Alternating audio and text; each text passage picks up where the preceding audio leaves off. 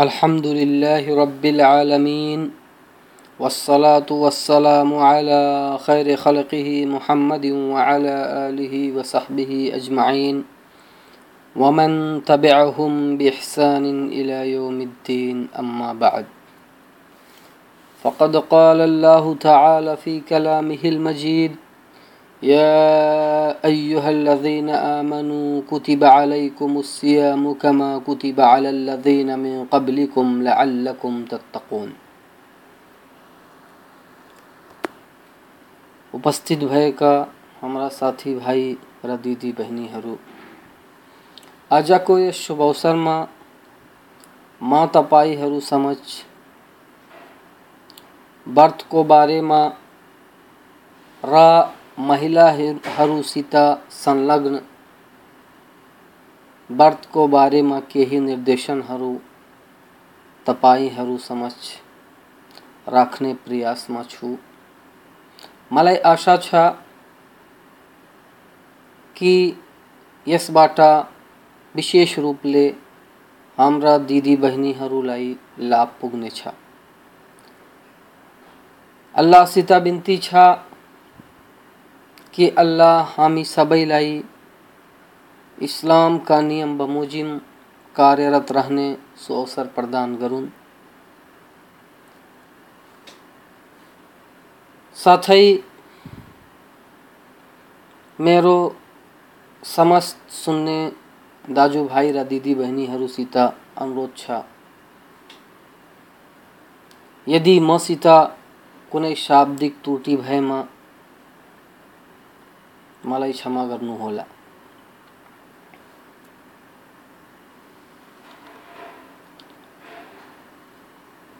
रमज़ान महिनाको व्रत बस्नु प्रत्येक मुसलमान महिला पुरुषहरूमाथि अनिवार्य छ। र यो इस्लामका विशाल आधारहरूमध्ये एक हो, जस्तो कि अल्लाहको फरमान छ।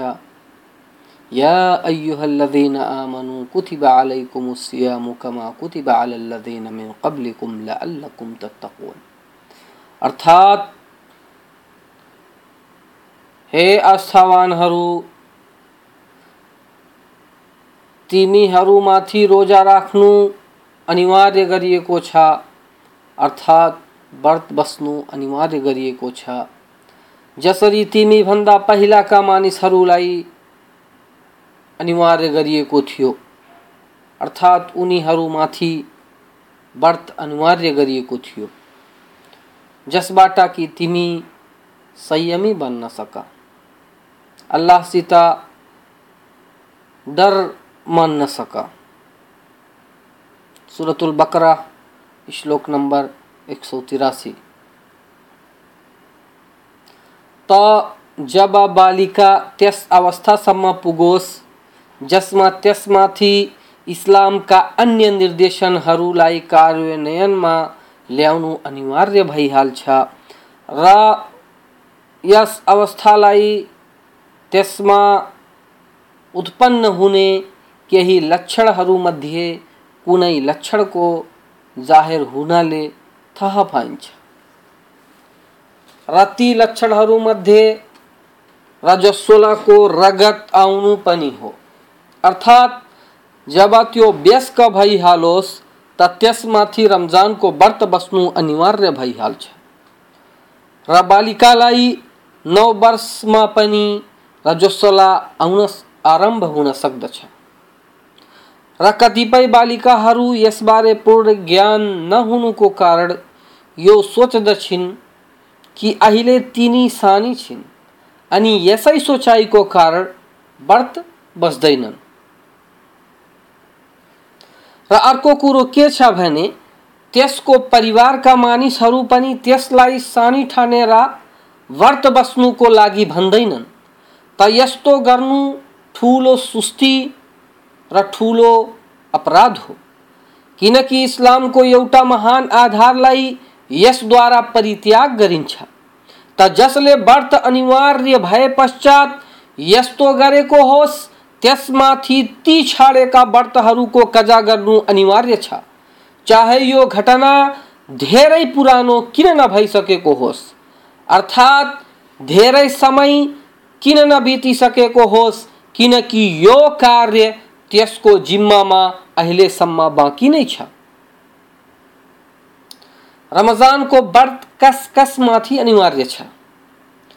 जब रमजानको महिना आरंभ होस् तब प्रत्येक मुसलमान महिला, पुरुष, व्यस्क स्वस्थ यात्रामा नभएकाहरूमाथि व्रत बस्नु अनिवार्य भइहाल्छ तर जुन मानिसहरू बिरामी होउन् वा यात्रामा होउन्, त तिनीहरूलाई खानपान गर्ने अनुमति जति व्रत तिनीहरूले बिरामी अथवा यात्राको कारण त्यागेका छन्, त्यसको सट्टामा अरू दिनहरूमा कजा गर्नु आवश्यक छ। जस्तो कि अल्लाहको फरमान छ, फमन शहद मिनकुम शहर फलयसुमहु, वमन कान मरीदन अला सफरिन, फइद्दतुम मिन उखर। अर्थात तिमीहरूमध्ये जसले पनि यो महिना पाओस्, त्यसले पुरा महिनाको व्रत बसोस्। हो, जो बिरामी छ अथवा यात्रामा छ ऊ अन्य दिनहरूमा व्रत बसी त्यसको गणनालाई पूर्ण गरोस्। सुरतुल बकरा, श्लोक नम्बर एक सौ पचासी। यस्तै जुन मान्छे अति वृद्ध भइसकेको होस् कि व्रत बस्नुमा सूक्ष्म नहोस् वा यस्तो रोगी होस् जसको रोग दीर्घकालीन होस्, त यस्ता मानिसहरूको लागि यो हुकुम छ कि उनीहरू व्रत नबसिकन प्रत्येक व्रत को सट्टा में एक गरीब लाई भोजन कराऊं। व आधा सा खगन कुने गरीब लाई प्रदान करूँ, जुन खाग त्यस देश में प्रचलित होस। जस्तो कि अल्लाह को फरमान छा व अलल्लज़ीन युतीकूनहु फ़िदियतुन तआमु मिस्कीन। र सामर्थ्यवानले अति वृद्ध वा निको नहुने रोगको कारण व्रत बस्ने क्षमता राख्दैन भने तिनीहरू तिनीहरूले व्रतको सट्टा एउटा गरिबलाई खाना खुवाउन्। सुरतुल बकरा, श्लोक नम्बर एक सौ चौरासी। अब्दुल्ला इब्ने अब्बास को भनाई छ कि यो त्यस वृद्धको लागि हो, जसको वृद्धपना समाप्त हुँदैन। र रोगी मान्छे जसको रोग निको हुने सम्भावना छैन, त्यो पनि यसै वृद्धको हुकुममा छ। र यी दुवै थरीका मानिसहरू अर्थात् वृद्ध र रोगी, जसको रोग निको हुने सम्भावना छैन, यी दुवैमाथि व्रतको कजा गर्नु छैन, किनकि यसको सम्भावना नै छैन। जुन कारणहरूले गर्दा महिलाहरूको लागि व्रत त्याग्नु जायज़ छ। महिलाहरूसित केही यस्ता कारणहरू विशिष्ट छन्, जसको कारण त्यसलाई व्रत त्याग्नु जायज़ भइहाल्छ यस शर्तको साथ कि त्यो अरू दिनहरूमा छुटेका व्रतहरूको कजा गरेर व्रतको गर्नलाई पूर्ण गरोस्। र ती कारणहरू हुन्, नम्बर एक, रजस्वला र सुत्केरी। रजस्वलाको रगत वा सुत्केरीको रगत आइरहेको समय महिलालाई व्रत बस्नु हराम छ, जायज़ छैन। र यसकारण जुन व्रतहरू छुट्दछन्, त्यसको अरू दिनहरूमा कजा गर्नु त्यसमाथि अनिवार्य छ। जस्तो कि हज़रत आइसाको त्यस हदिसमा वर्णित छ, जसलाई बुखारी र मुस्लिमले वर्णन गरेका छन्, उहाँको भनाइ छ कि हामीलाई यस्तो अवस्थामा व्रतको कजा गर्ने आदेश दिइन्न तर नमाजको कजा गर्ने आदेश दिइन्थ्यो। बुखारी हदीस नंबर 315 मुस्लिम हदीस नंबर 335 जब कुनै महिलाले सीता सोध्यो कि यो कस्तो कुरो हो कि वर्त व्रतको कजा गर्ने आदेश गरिएको छ। तर नमाजको कजा गर्ने आदेश गरिएको छैन त हज़रत आइसाले स्पष्ट पारिन् कि यी कुराहरू जसरी भनिएका छन् त्यस्तै मान्नुपर्छ स्पष्ट प्रमाण हुनुको कारण। यस आदेशको तत्वदर्शिता के छ। शेखुल इस्लाम इब्ने तैमिया मजमू फतावा को खंड 25 पेज दुई में भन्छन् रजस्वलामा महिलाको रगतको निष्कासन हुन्छ तर रजस्वलामा भएकी महिलाको लागि यो हुकुम छ कि जब रजस्वलाको रगत नआओस् त ती दिनहरूमा व्रत बसोस्। किनकि ती दिनहरूमा त्यसको शरीर सशक्त हुन्छ त्यसको शरीर सशक्त हुन्छ। र त्यसको लागि व्रत बस्नु सुसाध्य र सरल हुन्छ। तर जुन दिनहरूमा त्यसलाई रजस्वलाको रगत आइरहेको हुन्छ, त त्यसलाई व्रत बस्नुबाट मनाही गरिएको छ, किनकि त्यसको शरीर कमज़ोर र अस्वस्थ हुन्छ। रगत निष्कासित भइरहेको कारण। यसर्थ त्यसको व्रत पूर्ण रसुसाध्य सुसाध्य हुँदैन। यसै कारण रगतको निष्कासन भइरहेको समय व्रतबाट रोकिएको छ। नंबर दो, गर्भ हुने र दूध खुवाउने समय।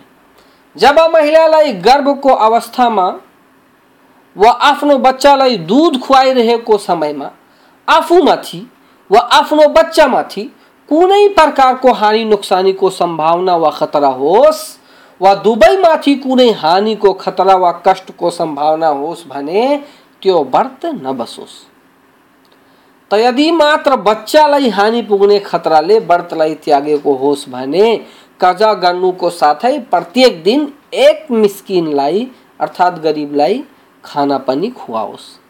तर यदि दुवैलाई हानि पुग्ने खतराले अर्थात् आमा र शिष्य दुवैको खतराले व्रत त्यागेको होस् भने प्रत्येक दिनको कजा मात्रै गरोस् खाना खुवाउनु पर्दैन किनकि गर्भवती महिला र दूध खुवाउने महिला दुवै अल्लाहको यस कथन अन्तर्गत आउँछिन्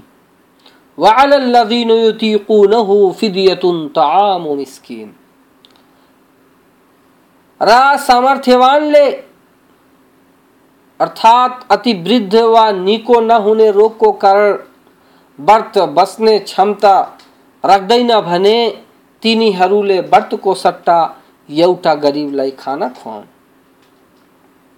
हाफिज इब्ने कसीर आफ्नो तफसीरको खण्ड एक, पेज नम्बर तिन सौ उनहत्तरमा भन्छन्, अल्लाहको यस कथन अंतर्गत ती गर्भवती र दुध खुवाउने महिलाहरू पनि आउँछिन्। जुन आफूमाथि वा आफ्नो बच्चामाथि कुनै प्रकारको हानि नोक्सानीको खतरा महसुस गर्छिन्। र शैखुल इस्लाम इब्ने तैमिया भन्छन्, जब महिला आफ्नो गर्भाशयमा भएको बच्चामाथि खतरा महसुस गरोस्, त त्यो व्रत नबसोस् बरु अरू दिनहरूमा छुटेको प्रत्येक दिनको सट्टामा व्रत बस्नुको साथै एक रतल रोटी गरिबहरूमा दान गरोस्। फतवा इब्ने तैमिया खण्ड पच्चिस, पेज नम्बर तिन सौ अठार एउटा प्रमुख चेतावनी। मुस्तहाजा, अर्थात् त्यो महिला जसलाई यस्तो रगत आउँछ, जुन रजस्वला र सुत्केरीको रगत हुन सक्दैन। त यस्तो महिलामाथि व्रत बस्नु जरुरी छ, र त्यसलाई यस इस्तिहाजाको रगतको कारण व्रत त्याग्नु जायज़ छैन शेखुल इस्लाम इब्ने तैमियाको रजस्वलाको कारण व्रत छाड्नुको बारेमा भनाइ छ कि यसको अवस्थामा यसको अवस्थाभन्दा इस्तेहाजाको अवस्था भिन्न हुन्छ। किनकि त्यो जहिले पनि र जति समयको लागि पनि आउन सक्छ। त्यसको कुनै समय सीमा छैन। जसले गर्दा मुस्तहाजा महिलालाई व्रत छाड्ने वा बस्ने आदेश गरियोस्। र यस रगतबाट बाँच्नु उस्तै असम्भव भइहाल्छ, जसरी वान्ता घाउ स्वप्न दोष आदिबाट बाँच्नु असम्भव हुन्छ। किनकि यसको कुनै समय हुँदैन। त यसै कारण इस्तिहाजाको रगतलाई व्रत भङ्ग गर्ने कुरा बनाइएन, जसरी कि रजस्वलालाई बनाइएको छ। मजमु फतावा शेखुल इस्लाम ने तैमिया खंड पच्चीस, पेज दुई सौ इक्यावन यस्तै रजस्वला आइरहेको महिला र गर्भवती एवं दूध खुवाउने महिलालाई यो अनिवार्य छ कि जब त्यसले दूध खुवाउने अथवा गर्भ एवं रजस्वलाको कारण व्रत छाडेको होस्, त अघिल्लो रमज़ान आउनुभन्दा अघि नै त्यसको कजा गरिहालोस्। र यसमा अर्थात् कजा गर्नुमा हतार गर्नु अति सराहनीय कुरो हो तर यदि यति विलम्ब भइसकेको होस् कि रमज़ान आउनुमा त्यति दिन मात्र बाँकी बचेको होस् जति दिनको कजा त्यसलाई गर्नु छ त यस्तो अवस्थामा अब त्यसमाथि कजा गर्नु पनि अनिवार्य भइहाल्यो र यदि कजा गरिएको छैन, र अर्को रमज़ान आरंभ भयो, त यदि कजालाई यति विलम्ब गर्नुको कुनै वैधानिक कारण छैन भने छुटेको व्रतको कजा गर्दाखेरि प्रत्येक दिनको सट्टामा एक गरिबलाई भोजन पनि गराउनु पर्छ। र यदि कुनै वैधानिक कारणले गर्दा विलम्ब भएको छ भने मात्र कजा गर्नु नै पर्याप्त हुन्छ। र यो त्यसको लागि पर्याप्त हुन्छ। जससित यस्ता खालका कारणहरू हुन्। र यो हुकुम नै ती समस्त मान्छेहरूको लागि छ, जुन कुनै बिरामी वा कुनै अरू कारणले व्रतलाई त्यागेका हुन्। यस्तै, जब महिलाको लोग्ने उपस्थित होस्, त बिना त्यसको अनुमति महिला नफली व्रत नबसोस्, जस्तो कि बुखारी र मुस्लिममा हज़रत अबु हुरैराबाट एउटा हदिस वर्णित छ, उहाँ रजियल्लाहु अन्हुको भनाइ छ कि रसुलुल्लाह सल्लल्लाहु अलैहि वसल्लमले भन्नुभयो, कुनै महिलाको लागि यो जायज़ छैन कि जब त्यसको लोग्ने उपस्थित होस्, तब बिना त्यसको अनुमति नफिली व्रत बसोस्। बुखारी, हदीस नंबर चार हज़ार आठ सौ निन्यानबे र मुस्लिम, हदीस नंबर एक हज़ार छब्बीस। र अबू दाऊद अहमद अहमदले वर्णन गरेका केही हदिसमा यस वाक्य को वृद्धि पनि छ कि रमजानको व्रत बाहेक अर्थात नफली व्रत तर यदि त्यसको श्रीमानले व्रत बस्ने अनुमति प्रदान गर्यो वा त्यो घरमा उपस्थित छैन वा त्यसको श्रीमान नै छैन भने त्यसको लागि नफली व्रत बस्नु मुस्तहब र सराहनीय कुरो हो। विशेष रूपले ती दिनहरूमा जसमा व्रत बस्नु सुन्नत छ जसरी सोमवारको र बिहिबारको दिन, र प्रत्येक महिनामा तिन दिनको व्रत बस्नु यस्तै छ दिन सवालको व्रत, र दस दिन जिल्हिज्जाको व्रत, र अरफातको दिनको व्रत, र अशुराको दिनको व्रत, र त्यसभन्दा एक दिन अघि वा पछिको व्रत तर यदि त्यसमाथि रमजानको छुटेको व्रतको कजा होस् भने, त्यसको लागि उचित यो छ कि पहिला छुटेको व्रतलाई पूर्ण गरोस् अनि नफली व्रतको आयोजना गरोस्। यस्तै ज्याबा र जसलामा भएकी महिला रमजानको कुनै दिनमा त्यसबाट पवित्र भइहालोस् त त्यसमाथि यो अनिवार्य छ कि त्यसै समयदेखि खानपान नगरोस्। अर्थात् अरू महिनाहरू झैँ खानु पिउनुबाट रुकिहालोस् यस समय र दिनको सम्मान गर्ने उद्देश्यले तर अरू छुटेका व्रतहरूको साथ यस दिनको पनि कजा गर्नु त्यसमाथि अनिवार्य छ। यसको पनि कजा गर्नु पर्छ। यो अति संक्षेपमा थियो। महिलाहरूसित संलग्न व्रत बारे केही निर्देशनहरू अब, म अन्त्यमा के भन्न चाहन्छु कि हाम्रा दिदी बहिनीहरू जिनलाई इस्लामीय विधानबारे धेरै ज्ञान छैन, तिनीहरूलाई चाहियो कि मेरो यो सानो वक्तव्य सुनेर यसबाट शिक्षा ग्रहण गरून् र साथै यदि अरू जानकारी र ज्ञान चाहिन्छ भने